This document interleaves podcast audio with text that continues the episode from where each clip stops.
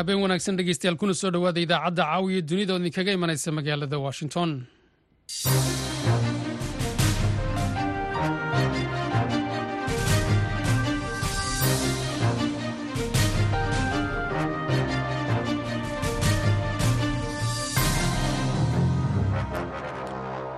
Waa talaada bisha janaayo ee sannadka kuna waa saddex iyo labaatan waxaanaad naga dhegaysanaysaan mawjadaha gaagaaban ee lix iyo tobanka iyo sagaal iyo boggaannu ku leenahay internetka ee v o a somaali com.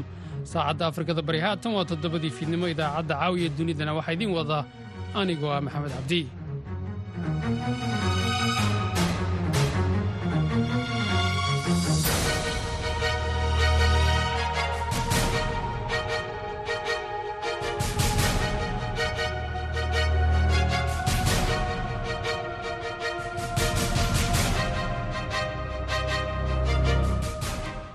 qodobadaad ku maqli doontaan idaacaddeenna caawiya dunidana waxaa ka mida faahfaahin qarax ka dhacay magaalada boosaaso galabtay abaaro bacda casar. Salaada marka laga baxay ayaa qaraxa loo badinaya inuu yahay nooca miinada dhulka lagu aasa ah ee lala beegsaday goob ay bulshada isugu timaado waxaad kaloo dhegaysan doontaan barnaamijkii umuuraha maraykanka oo ku saabsan doorashada maanta ka socota gobolka new hampshire ee waqooyi bari dalka maraykanka treenka markii hore waa la wada saarnaa laakiin dad badan ayaa qof mar uu ka degayay. Hadda waxaa isku soo haray laba qof madaxweynihii hore trump iyo gabadha gobolka south carolina ka ahaan jirtay governorka. Marka wuxuu tartankii ku soo dhammaaday laba qof oo ku tartamaya hadeertan gobolka new hampshire qodobadaas iyo kuwo kale ayaad ku maqli doontaan idaacadda caawa. Marka horese ku soo dhowaada warkii dunida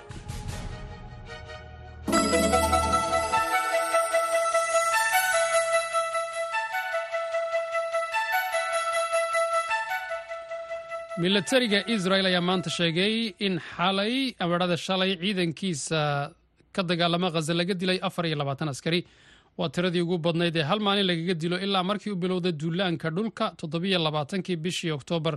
Sida uu milatariga israel sheegay koob iyo labaatan askari ayaa dhintay kadib markii gantaal nooca r b g uu ku dhacay taangii ag yaalay laba dhisme oo ay ka howlgalka wadeen ciidanka israel sida uu sheegay daniel hagari afhayeenka milatariga ee israel. Waxa uu sheegay in labada dhisme ay dumeen qaraxa kadib xilligaasi oo ciidanka dhammaantii ama badidii ay ku jireen gudaha dhismaha. Dhismayaasha ayaa qarxay xilli ciidanka israel walxaha qarxa ku xidheeyey labadan dhisme halkaasi oo ku sheegay xarun argagixiso siduu hagaari sheegay. Hagaari ayaa intaasi ku daray in koox badbaado caafimaad oo goobta gaartay howlgalkuna uu ahaa mid aad u adag oo qaatay saacado badan waxa uu sheegay inay aad u adkeyd in midadka laga soo saaro burburka hoostiisa.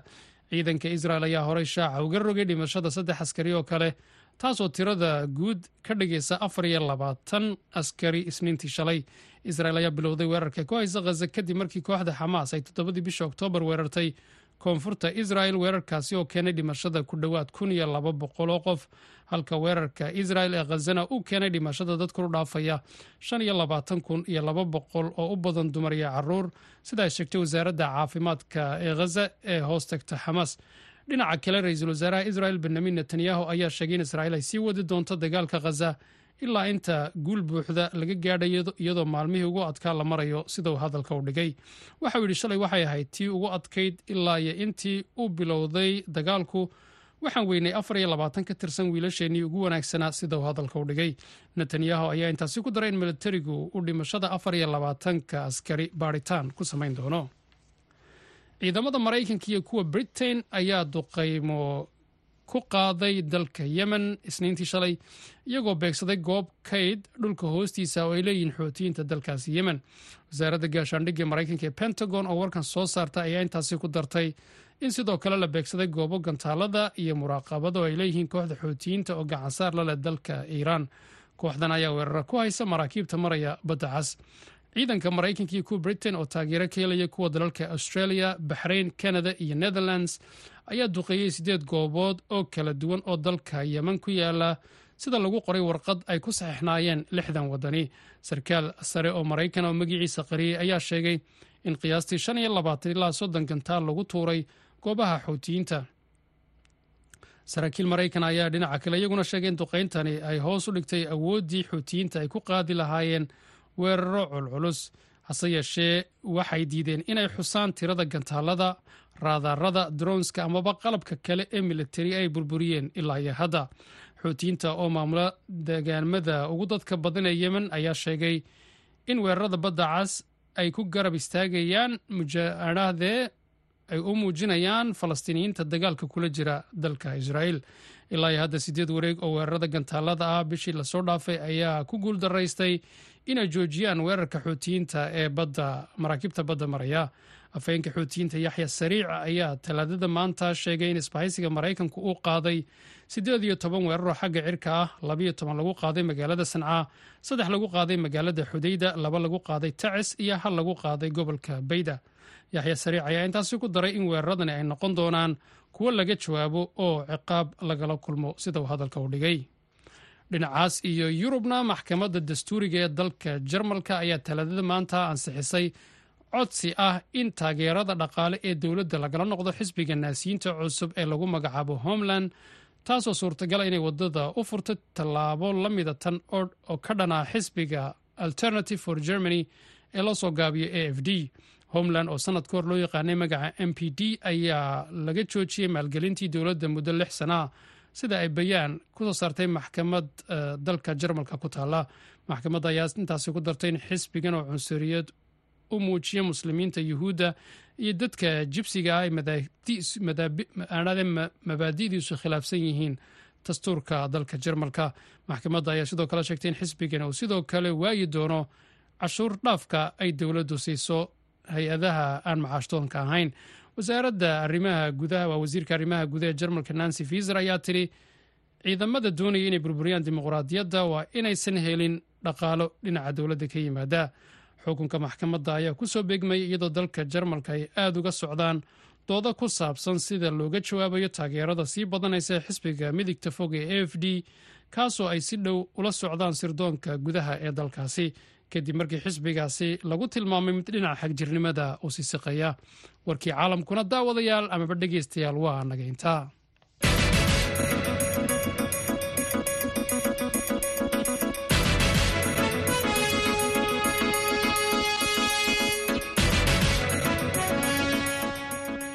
fiid wanaagsan mar kale dhegeystayaal warkaasi kala socoteenna waa v o a washington. Wararka ka imanaya magaalada boosaaso ee gobolka bari ayaa sheegayaa in qarax uu ka dhacay galabta goob ay dadku isugu yimaadaan. Faahfaahinta arintan ayaa haddaba wariyaha v o eda haaruun macruuf waxau ka waraystay wariyaha v o eda ee magaalada boosaaso yuusuf maxamuud yuusuf. Waa mahadsan tahay haaruun galabtay abaaro bacda casar. Salaada marka laga baxay ayaa qaraxa loo badinaya inuu yahay nooca miinada dhulka lagu aasa ah ee lala beegsaday goob ay bulshada isugu timaado oo soomaalidu ay taqaano goobaha lagu qayilo ee mardishka halkaas oo uu ka dhashay khasaaro isugu jira dhimisho iyo dhaawac. Isbitaalada oo aan la xiriirnay iyo goobaha kale ee booliiska waxa ay noo sheegeen inuu jiro khasaaro dhimasho iyo dhaawaca maxaa kale kaaga sheegeen booliisku marka ay noqoto goobta uu qaraxu ka dhacay iyo maxaanku idhaahdaa bartilmaameedsigeeda harunow booliisku shalay maahe daraad ayay shir jir ay qabteen. Maalmihii ugu dambeeyey magaalada boosaaso qaraxyadaas ayaa ka dhacayay.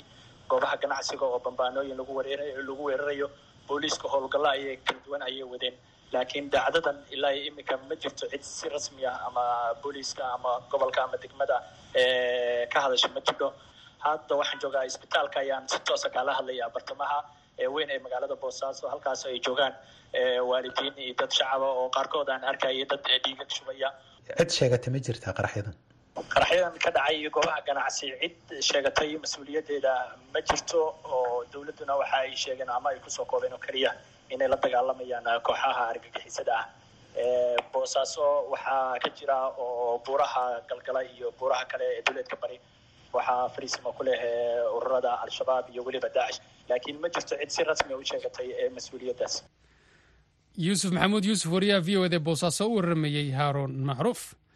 Maalintii xaddii ayay ahayd markii mas'uuliyiinta amniga ee magaalada boosaaso ay ku dhawaaqeen tallaabooyin ay ku adkeynayaan amniga magaalada gaar ahaan goobaha ganacsiga. Mas'uuliyiintii ka hadlay wax ka qabashada amniga waxaa ka mid ahaa taliyaha qaybta booliiska ee gobolka bari cabdiqaadir jaamac dirir codkiisiina waxaa ka mid ahaa sidan. Waxaan rajaynaynaa bulshada la khalkhalgeliyey oo la doonayo in ganacsigeeda laga barakiciyo deegaankoodan laga barakiciyo inay istejiyaan laamaha ammaankana ay la shaqeeyaan. Dabcan way dhacaan waxaana wayna dhici jireen. Cadow uun baynu ku yihiin bulshada iyo jiritaankeeda waxaanu diyaar u nahay inaanu tallaabo cad ka qaadno waana ku kalsoonnahay inaan ka qaadi karro. Bulshadan waxaan ka rajaynaynaa wada shaqayn. Waxaan rabnaa inaan taabanno oo kaleeto iyadana lagama maarmaan ah. Bulshada ganacsatada oo degan reer boosaaso boosaaso degan waxaan ugu baaqayaa inay cabsida ka baxaan. Sababtoo ah qofka kan cabsanaya waxaan kuu sheegaya inuusan kugu daynayn qofka kan cabsida kugu daynayn oo maalin walba meeshii hore meel ka sii dheer kaaga sii tashan doono inta goorigoor tahay diyaargarow amnigaagana la shaqeey. Waxaan u mahad celinayaa dadka qaybtiis oo amniga la shaqaynaya oo u diyaarsan. Taliyaha qaybta booliiska gobolka bari cabdiqaadir jaamac oo horaantii toddobaadkan ka hadlay xaaladda amniga ee magaalada boosaaso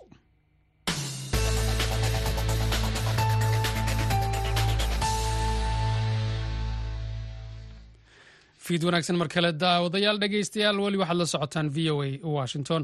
Maalintii axaddii ay ahayd markii mas'uuliyiinta amniga ee aan ka gudbo qodobkaasi waa kii aad iminka dhegaysateene milatariga maraykanka ayaa sheegay inay qaadeen duqeyn hor leh oo ka dhan ah ururka al-shabaab toddobaadkan taasoo ka dhacday meel waqooyi bari kaga beegan magaalada kismaayo. War-saxaafadeed ka soo baxay milatariga maraykanka ayaa lagu sheegay in duqeyntani ay ka dhacday kadib markii codsi laga helay dowladda federaalk ee soomaaliya war-saxaafadeed ka soo baxay taliska afrika ee maraykanka loo yaqaana africom ayaa sidoo kale lagu sheegay in duqeyntaasi ay ahayd mid isdifaacis wada jir ah oo ka dhacday laba jeer bishan januari koob iyo labaatankeedii. Duqeynta ayaa maraykanku sheegay inay ka dhacday meel shan iyo soddon kilomitr dhinaca waqooyi bari ka xigta magaalada kismaayo. Maraykanku waxau sheegay in duqeyntani ay ka dhacday meel fog. Waxaa kaluu sheegay inay dad rayid ahay ayna ku dhimanin waxna ku noqonin. Maraykanka ayaa al-shabaab ku tilmaamay shabakadda alqaacida tan ugu weyn dunida ayna awood u leeyihiin inay weeraraan ciidamada maraykanka halisna ku yihiin amniga qaranka ee maraykanka iyo waddamada ay iskaashiga leeyihiin. Bishii hore toddobiyo tobankeediina dowladda soomaaliya ayaa sheegtay in duqeyn maraykanku fuliyey lagu dilay sarkaal sare oo ka tirsan ururka al-shabaab. War-saxaafadeed xilligaasi ka soo baxay dowladda federaalk ee soomaaliya wasaaraddeeda warfaafinta ayaa lagu sheegay in duqeyntaasi lagu dilay macalin ayman oo ay sheegtay inuu abaabulay weeraro kana soomaaliya iyo kenya. Waxaa kaloo lagu sheegay in war-saxaafadeedkaasi in howlgalka qorshaysan lagu dilay ayman ay iska kaashadeen ciidamada soomaaliya iyo kuwa maraykanku. Howlgalka maraykanka ee africom ayaa xaqiijiyey in duqeyntii dhacday toddobiyo tobankii disembar lagu dilay xubin ka tirsan al-shabaab hase yeeshee africom. Ma aysan xaqiijinin weli magaca qofka la dilay. Weli waxaad la socotaan v o a washington. Haatanna somalilan madaxweynaha somalilan muuse biixi cabdi ayaa shalay dib ugu celiyey golaha guurtida somalilan xeerarkii isku sidkanaa ee doorashooyinka madaxtooyada iyo ururada siyaasadda. Haddaba tallaabada madaxweynaha somalilan waxaa iyaguna maanta ka jawaabay shirguddoonka golaha wakiilada somalilan.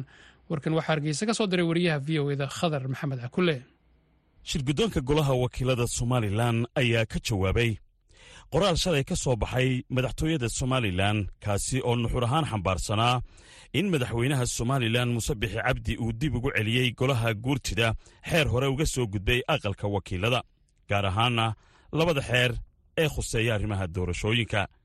Iyadoo qoraalka madaxweyne biixi loo cuskaday ama lagu sababeeyey dhammaystir la'aan jaranjartii xeer dejinta sida qoraalka madaxweynaha ku qornayd.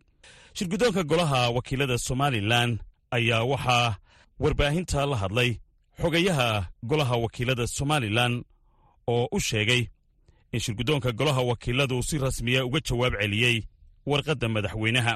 Xogayaha golaha wakiilada somalilan cabdirasaaq siciid ayaanleh ayaa sheegay in warqaddaasi ay golo wakiil ahaan u aqoonsan yihiin madaxweynaha ka soo baxday inay tahay mid dastuurka somalilan baalmarsan sida uu sheegay hadda waxaannu idiin soo gudbinaynaa siaad ka warhaysaan. Warqaddii ofishalka ahayd ee ka soo baxday golaha wakiilada waana warqaddaa aan idiin soo gudbinnay. Ee ku saxeexan yahay guddoomiyaha golahu oo shaambadii leh oo maxaanku dhahdaayay leh tixraacii golaha. Ayaan idiin soo gudbinaynaa. Warqaddaasu waxay xambaarsan tahay saddex qodob nuxurkeedu. Ta hore waxay xambaarsan tahay inaan warqaddii madaxweynuhu soo qoray ee guurtida u soo qoray inaanay lahayn aasaas sharci. Ta labaad waxay ka hadlaysaa oo goluhu wuxuu goluhu caddaynayaa see warqadda ku qoran qoraalka in labadii xeer iyo fordhiinba ilaa hadda ay hor yaallaan xafiiska madaxweynaha ayuu golahu aqoonsan yahay.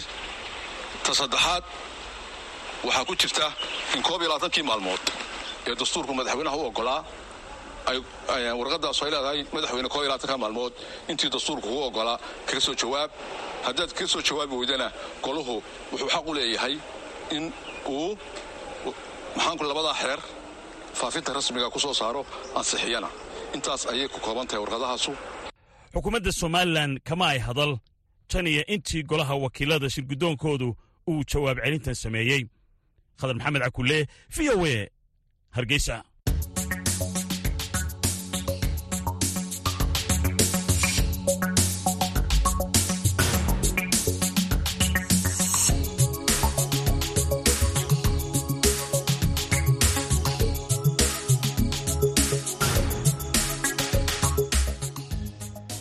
fiid wanaagsan daawadayaal dhegeystayaal mar kale israel ayaa talaadada maanta sheegtay in afar iyo labaatan askarteeda lagu dilay marinka khaza waana mid ka mida maalmihii ugu xumaa ee soo mara ciidamada israel tan iyo markii ay bilowday ololaha israel inay ku cidhibtirayso kooxda xamaas faahfaahinta warkan oo ay qortay v o edu waxaa inoo soo koobaya wariyaha v o eda maxamed bashiir cabdiraxmaan afhayeenka ciidamada israa'iil reer admiraal daniyel xagaari ayaa saxaafadda u sheegay in koob iyo labaatan ka mid a askartaasi ay isku diyaarinayeen inay walxaqarxa ku burburiyaan laba dhismo iyadoo ay koox hubaysan gantaal ku soo rideen taangi goobtaasi ka agdhowa. Kadibna walxihii qarxay ayaa goobtaasi ku qarxay taasi oo sababtay in dhismayaashu ay ku soo dumaan askarta israa'iiliyiinta ah sida uu yidhi saddex askari oo kale oo israa'iiliyiin ah ayaa ku dhintay weerar kale ra'iisul wasaaraha israa'iil benjamin netanyahu ayaa sheegay in militarigu uu bilaabay baaritaan ku saabsan dhacdadan shalay waxaan la kulannay. Mid ka mid ah maalmahannii ugu adkaa tan iyo markii uu dagaalku qarxay ayuu yidhi netanyahu.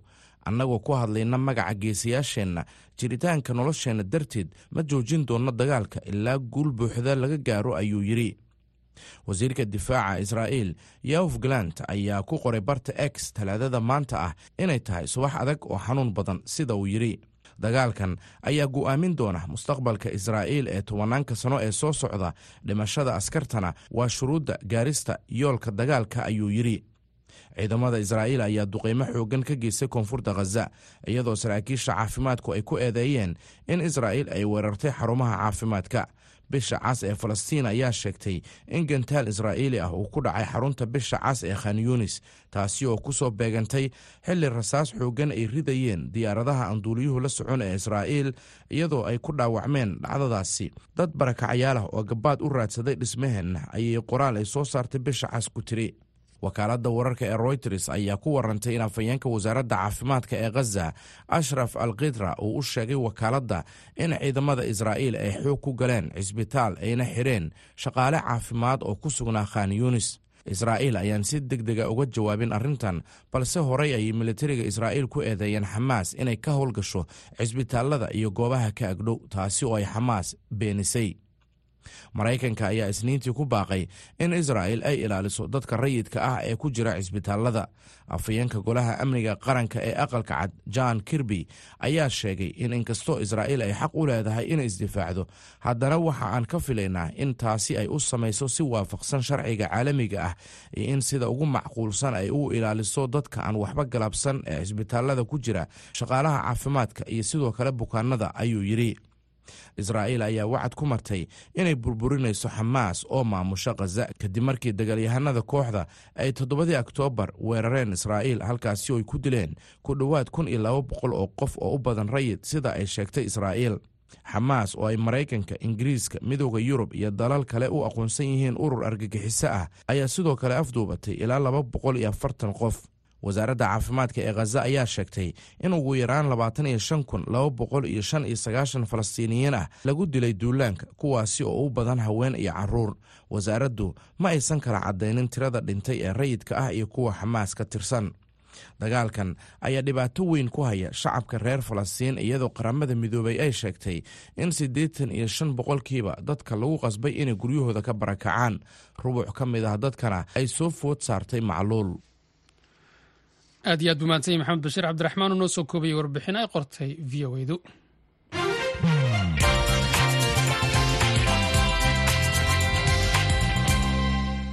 Haatanna bariga afrika. Kenya ayaa sheegtay inay doonayso inay horumariso nabadda bariga afrika islamarkaasna ayna wax dhibaata ka dhex marin amaba ayna u dhexaynin iyada iyo dalalka deriska laa isla mar ahaantaana waxaa jira calaamado aan la dafiri karin oo muujinaya culayska diblomaasiyadeed ee kala dhexeeya ugu yaraan afar dal oo deris la ah kenya oo ay ku jiraan labada dal oo dhowaan safiiradoodii kala noqday nairobi. Wariyaha v o eda nairobi maxamed yuusuf ayaa warbixintan soo diray waxaana soo koobaysa falastiin axmed iimaan. Dadaalka ay kenya ugu jirto in ay isku muujiso awood siyaasadeed iyo mid dhaqaale oo gobolka ah iyo xudunta dhaqaalaha bariga afrika ayaan xiriir wanaagsan la lahayn qaar ka mid ah dalalka dariska la-ah jamhuuriyadda dimuqraadiga ee congo iyo suudaan ayaa dib ugu yeertay safiiradoodii kadib markii ay ku eedeeyeen in kenya ay nairobi ku martigelisay kooxaha mucaaradka ku ah dowladahan. Dhanka kale uganda ayaa dhowaan dacwad ka dhana kenya u gudbisay maxkamadda bariga afrika oo ku taala tanzaniya taasoo ku saabsan muran labada dal u dhexeeya oo ku aadan qaybsiga saliidda dacwadani waxa ay ku saabsan tahay in kenya aanay ogoleyn ganacsatada saliidda ee dalka uganda inay ka howlgalaan gudaha xuduudaheeda. Arintan ayaa ah mid timid kadib markii uganda ay joojisay hanaankii hore ee qandaraaska furan ee wax soo saarka badroolka looga soo iibin jiray kenya. Sidoo kale tanzania waxay mamnuucday duulimaadyada kenya airways ay ku iman jirtay nairobi ilaa daarisalaam isbuucii hore. Sababtoo ah kenya ayaa lagu eedeeyay in ay u diiday ogolaanshiyo shirkada xamuulka qaada ee tanzania inay u duusho nairobi xayiraada ayaa la qaaday kadib markii ay wada hadleen wasiirada arrimaha dibadda ee labada dal. Wasiirka arrimaha dibadda ee kenya musalia mudapade ayaa axadii sheegay in dalkiisa uusan dagaal kula jirin dariskiisa oo uu doonayo inuu nabad ku soo dabaalo gobolka. Mataifa yanayumbayumba yanapigana na rais wetu William Samoei Ruto yuko kwa mstari wa mbele. way baahan yihiin kuwo kalena colaado ayaa ka jira. madaxweynaheena William Samoei Ruto ayaa safka hore ku jira isagoo hubinaya in nabadda dalalkan ay ku soo laabato. Ayuu yidhi mudavadi wuxuu sheegay in dagaalada ka socda waddamadaasi ay sidoo kale saameyn ku yeelan doonaan dalkeenna kwa sababu vita kule vitanyemelea hapa. kenya ayaa dhaleecin waxay uga timid qaar ka mida dalalka afrikaanka iyo muwaadiniintooda oo ku aadan sida ay dowladdu u maareynayso la macaamilka dowladaha kale. Qabiir ku takhasusay xiriirka caalamiga ah oo lagu magacaabo kisito sapala ayaa sheegay in khilaafka diblomaasiyadeed ay sii kordhayaan ayna ka imanayaan waddamada isku dayaya inay ka hortagaan saameynta kenya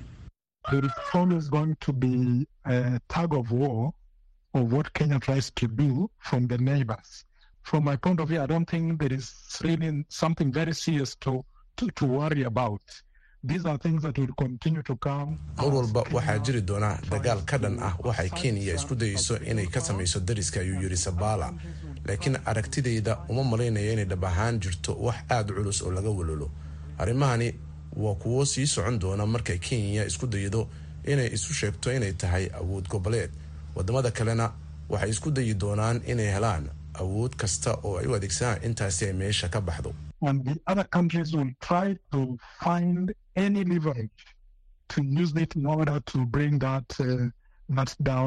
Madaxweynaha kenya william ruuto oo xilka qabtay in ka badan sanad ka hor ayaa la kulmaya madax dhowra oo afrikaan ah oo ay ku jiraan dalalka dariska la-ah isagoo u ballan qaaday inuu gacan ka geysan doono xalinta dhibaatooyinka daba dheeraada ee afrika ee colaadaha iyo gaajada iyo inuu keeni doono horumar dhaqaale. Sabaala waxa uu sheegay in uu ismuujiyo hogaamiye cusub in mar walba ay soo wajahayso in waxoogaa dib loo yaro riixo They are reacting the way they are reacting because I think in Nairobi we have a new president who is very assertive and who, who seem to be projecting this to the region. And therefore, I think that in sababta ay sidaan uga falcelinayaan waxaan filayaa in nairobi ay leedahay madaxweyne cusub oo aada isu muujinaya doonayana inuu gobolka isku muujiyo. Sidaa darteed waxaan qabaa in lafteedu ay u muuqato in iyaguna ay leeyihiin maya. Maya halkan aan ku joogno laakiin waxaan filayaa in wakhtiga ay la qabsan doonaan sida uu wax u wado madaxweynaheenna taasina waa mid iska caadi ah uma malaynayo inay tahay arrin weyn oo laga walwalo the way our president is doing things, and uh, that, that's fine. I don't think it's a big, big issue to worry about. khubarada ayaa ugu baaqaya kenya inay si taxadar leh u maareyso colaada ka taagan congo gaar ahaana kooxaha fallaagada ah ee gacanta ku leh xasilooni darada dalkaasi waxa ay sidoo kale doonayaan in kenya ay ka fogaato inay la safato dhinacyada colaada suudaan oo ay isku hayaan ciidamada qalabka sida ee dalkaasi iyo kooxda gurmadka degdega ah ee r s f. Falastiin axmed yimaan oo noo soo koobaysa warbixintii wariyaha v o eda maxamed yuusuf uu ka soo diray magaalada nairobi. Haatanna ku soo dhowaada heestan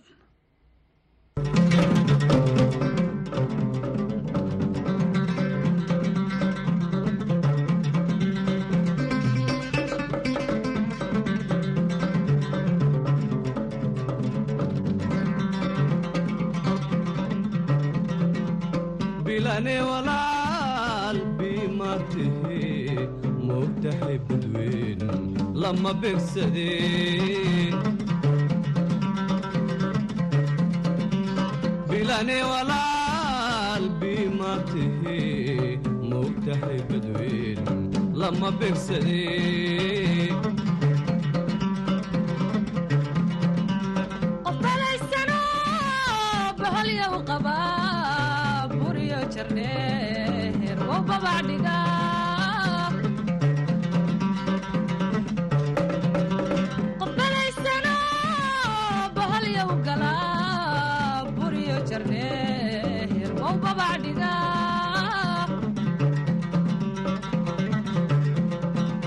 meeshii buslee baanu libaax bahaluhu galaan kama beree meeshii buslee baanu libaax bahaluhu galaan kama beree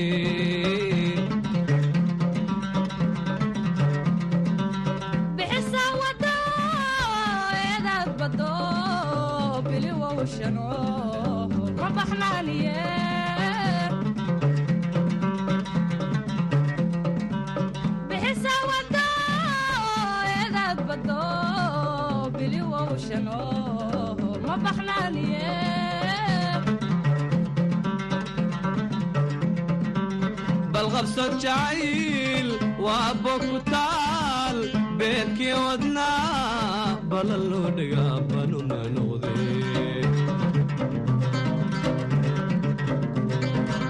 balqabso jacayl waa bogutaal beerkii wadnaa balan loo dhigaa banuna noqdee bari kuma simo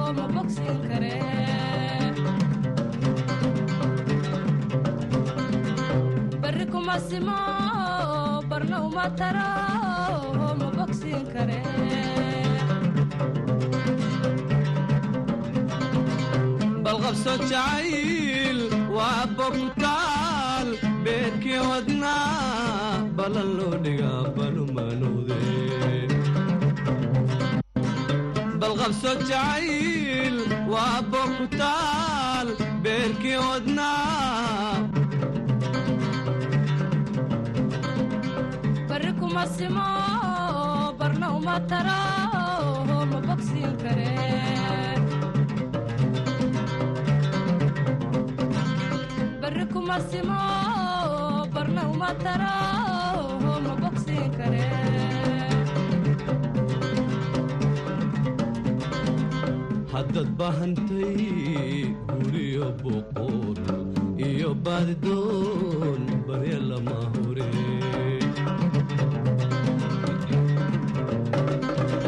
haddaad baahantay guriyo boqor iyo baadidoon barya lama hore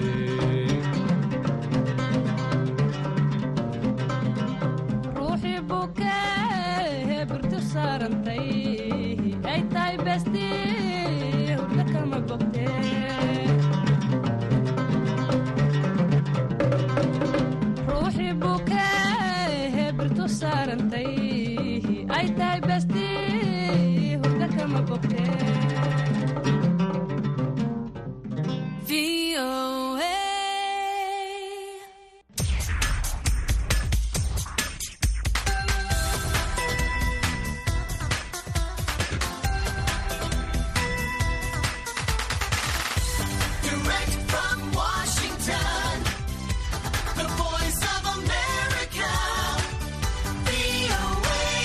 cawaysin wanaagsan dhegaystayaal kuna soo dhowaada barnaamijkeennii maxaa ka cusub dhadhaab? oo xiliyadan oo kale aad ka dhegaysataan laanta afka soomaaliga ee v o a waxaana idinla socodsiinayaa anoo ah ismaaciil xuseen farjar.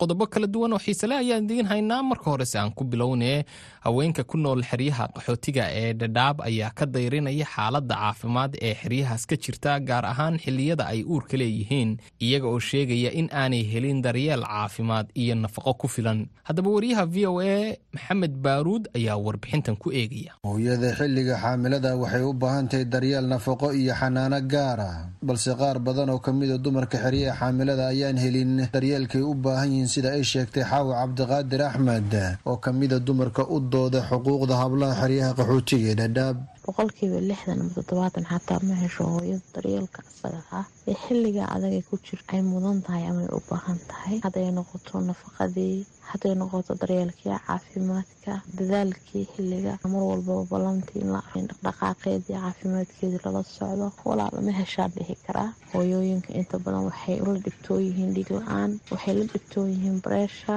ilmihii waxay dhalanayaan ayagoo aada u daciifa inta badan.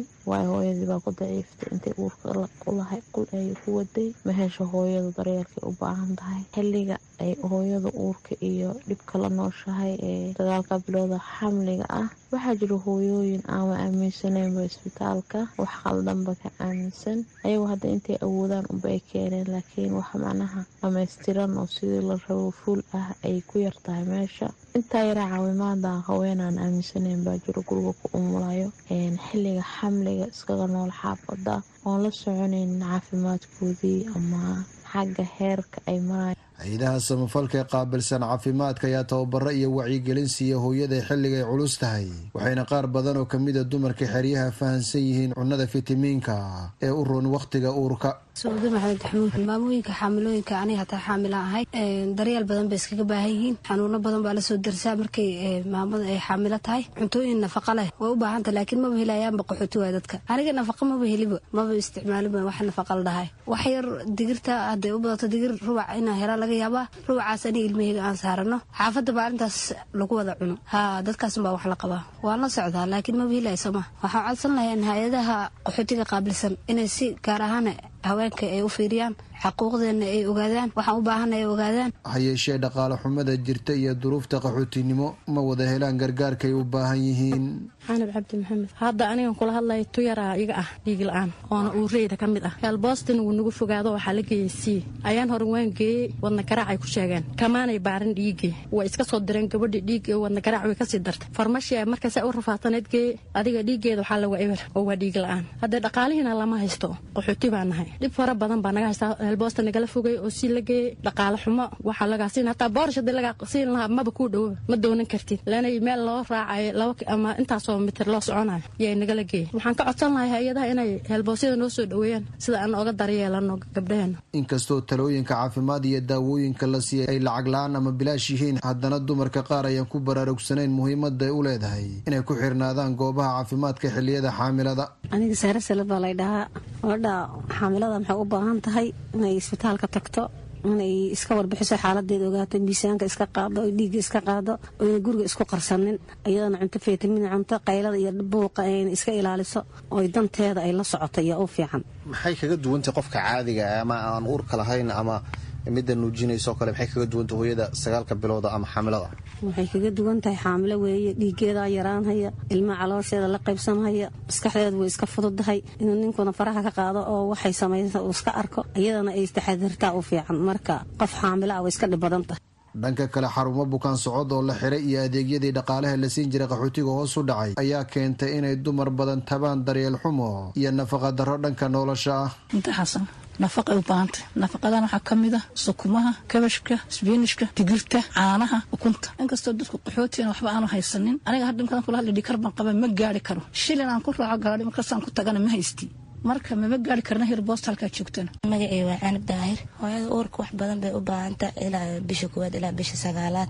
Boosada wax badan bay ugu baahan tahay inay qofka ila nooshahay waxay ugu baahan tahay inuu wax kastoo ka ilaaliyo dhibaatayadana iyadana iska sii taxadirto cunooyin fitamiin inay qaadato wax dhiigeeda soo celinaa inay qaadato mar walbaba ay iska taxadirto bil walbana heltabooska inay la xiriirto. Maalweed kaar baan soo jirta heltabooska dhiig dhiiga biyo wax walbaa laiska qaadi jira kaar unbaa laguu soo jari taariikh hibilimbaan baa luu dheh haddaa imaaweyse wax ku soo raadinaa maleh haddaa xanuunsato daryeelam ku soo raadinayo waaga hore wayna soo raadi jireen haddaba hooyada uurka mararka qaar dhiigla-aan ku dhacda sidee lagu gartaa? Waa kan doctor cabdulaahi khamiis oo ah dhakhtar ku takhasusay daryeelka hooyada iyo dhallaanka. Hooyada waxaa lagu garan karaa isbedelo weyn ay arkaysaa lugahay ka bararaysaa wejiga ka bararaysaa gacmiha iska cadaanayo faruurihii afkaa iska cadaanayo wejigeeda qofka dhakhtarka markuu arko wuu dareemaya asoo hataa dhiig ka qaadan aan baarin inay magaranaysa dhiigeeda u hooseeyo. Kadib wuxuu ku sameynaya check up dhiiggaa laga baaraya dhiigga waxaa lagu aqoonsanaya maamada inu dhiigeeda hooseeyo anemia ay tahay marka hooyooyinka waqtiyaha caafimaadka ee booqdaan rugta caafimaadka mar walba waxaa laga jagarayaa dhiiggaas bil kasta kaadaa laga baaraa dhiigaradaasa laga jagarayaa. Mar kasta waxaa la soo siiyaa daawooyinka dhiig kordhinayo marka anna waxaan ugu sii baaqayaa inay daawooyinka dhiig kordhinayo bis ay ku ekaanin. Qudaarta cagaaran ee isticmaalaan ee aada u dadaalaan doctor cali ayaa sharxay waxyaabaha loo baahan yahay inay isticmaasho hooyada xilliyada xaamilada tahay. Hooyada uurka ah waxay u baahan tahay in cunto dheelitiran ay isticmaasho sida cuntada cagaarka ah qudaarta cagaaran oo loo yaqaano green vegetables loo yaqaano sukumaha kabejka qudaarta cagaaran inay isticmaashaa fitamiin ay ku jira hooyada caawinaya. Mar walba inay isticmaashaa haddii heli karto hilib haddii heli karto caanooyinka ay magaranaysa nafaqada ku jiraan hooyada waa inay intaa isticmaashaa ee keli ku ekaanin cuntooyinka gaarka u ah iyaga ay karsanaayeen sidoo kale waxaa jira xanuuno ay u nugushahay hooyada xaamilada mararka qaar. Cuduradaas waxaa malaarida ka mid ah u nugul yihiin oo aad baa looga ilaaliyaa. Waxaa ka mid ah hooyooyinka in loo leeyahay istaalada soo booqdo. Waxaa muhiimada ugu weyn laga sii baaraa dhiigkara laga jagareeyaa dhiigooda la fiiriyaa.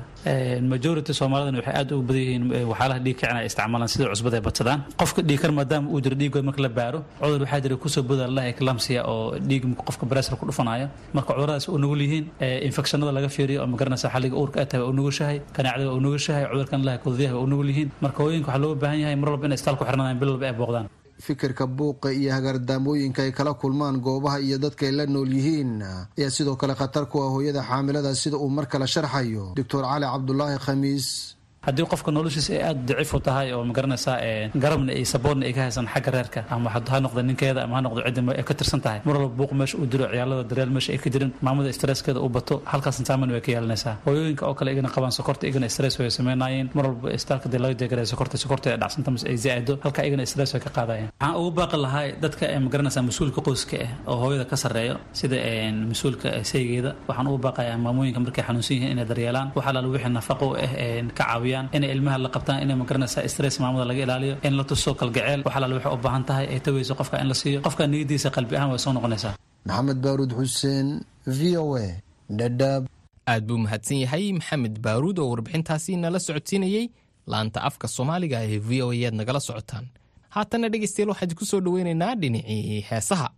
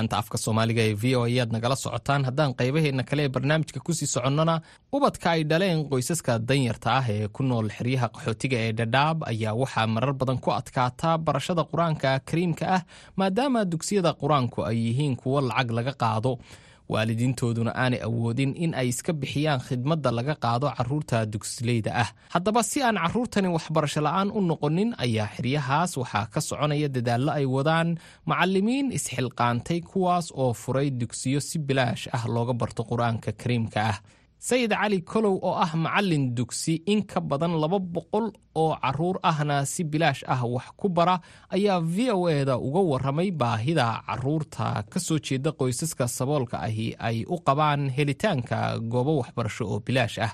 Wariyaha v o a aadan cabdi cabdulaahi ayuuna u waramay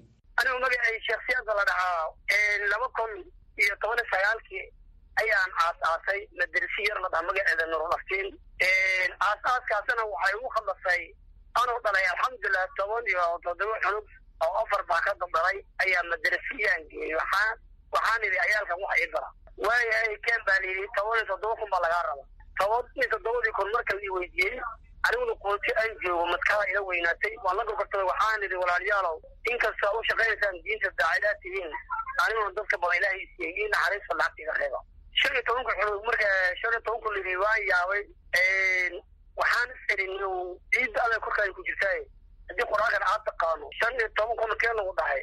Ayaalkan aad dhashay maxaa dan kuu eh nafteedigaan abuuray inaan marka madarasada dursi aan bilaabo meel qurac geed hoostii banaan badan seega badan inaan kuwa iga geeyo aan ku bilaabo cayaalkii banaanka ciyaaraya aseyga ha inaan igu tago.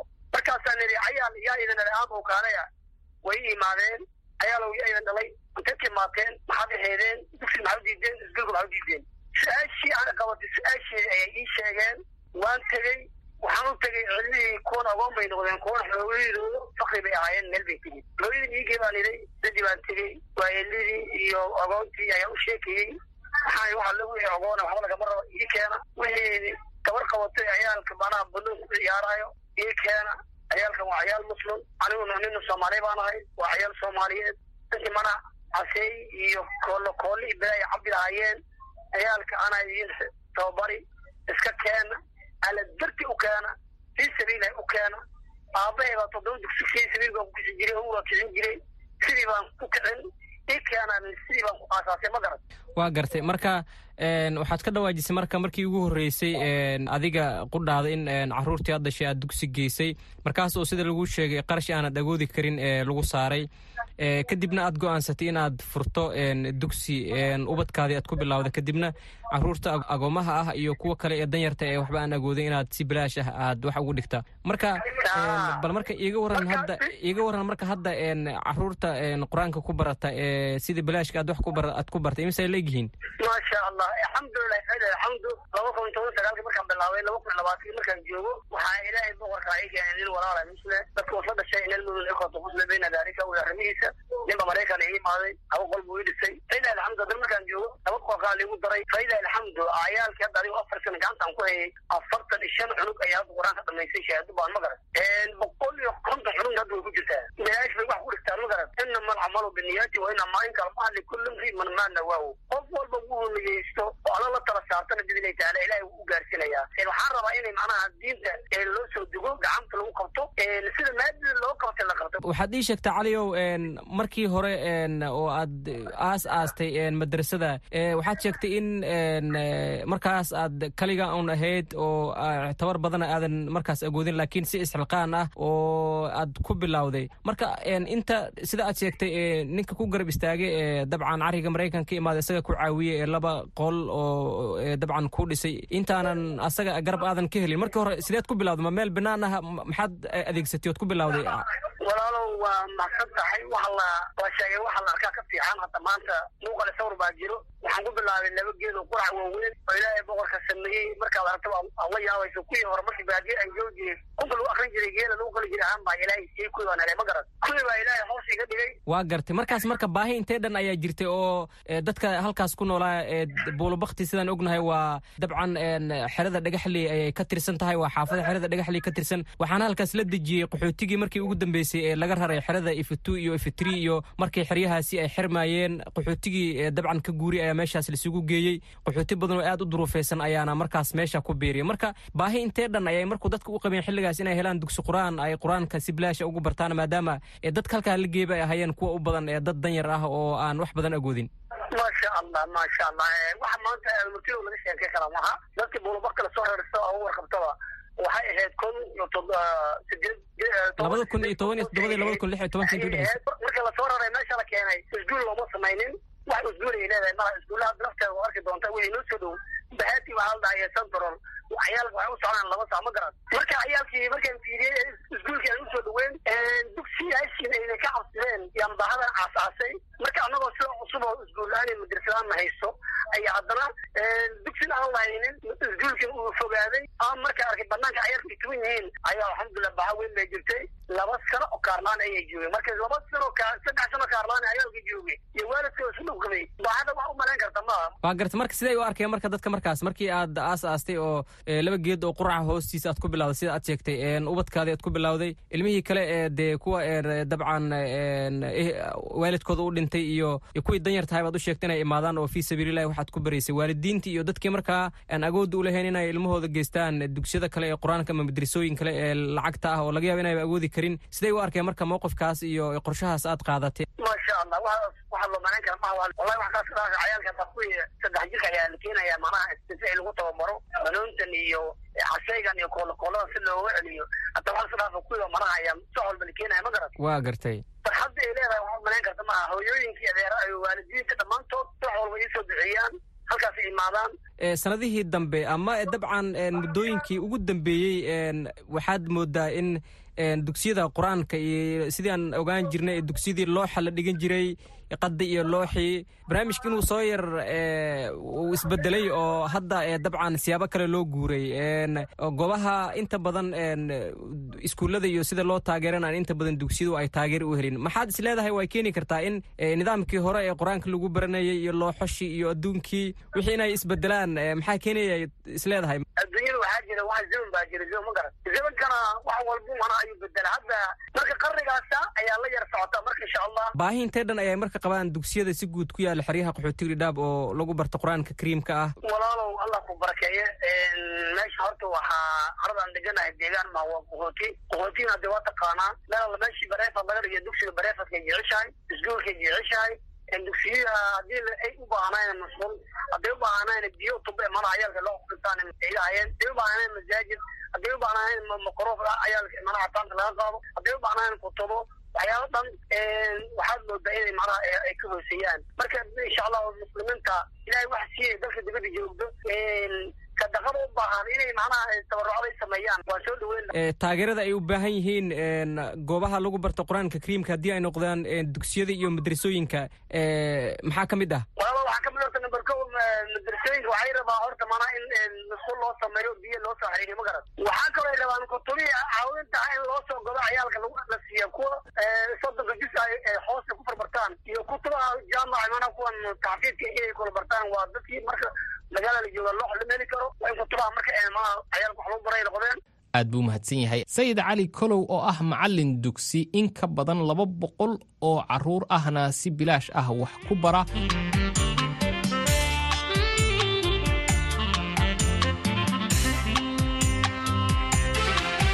Laanta afka soomaaliga ee v o a ayaad nagala socotaan. Haatanna mar kale waxaan ku noqonaynaa dhinacii heesaha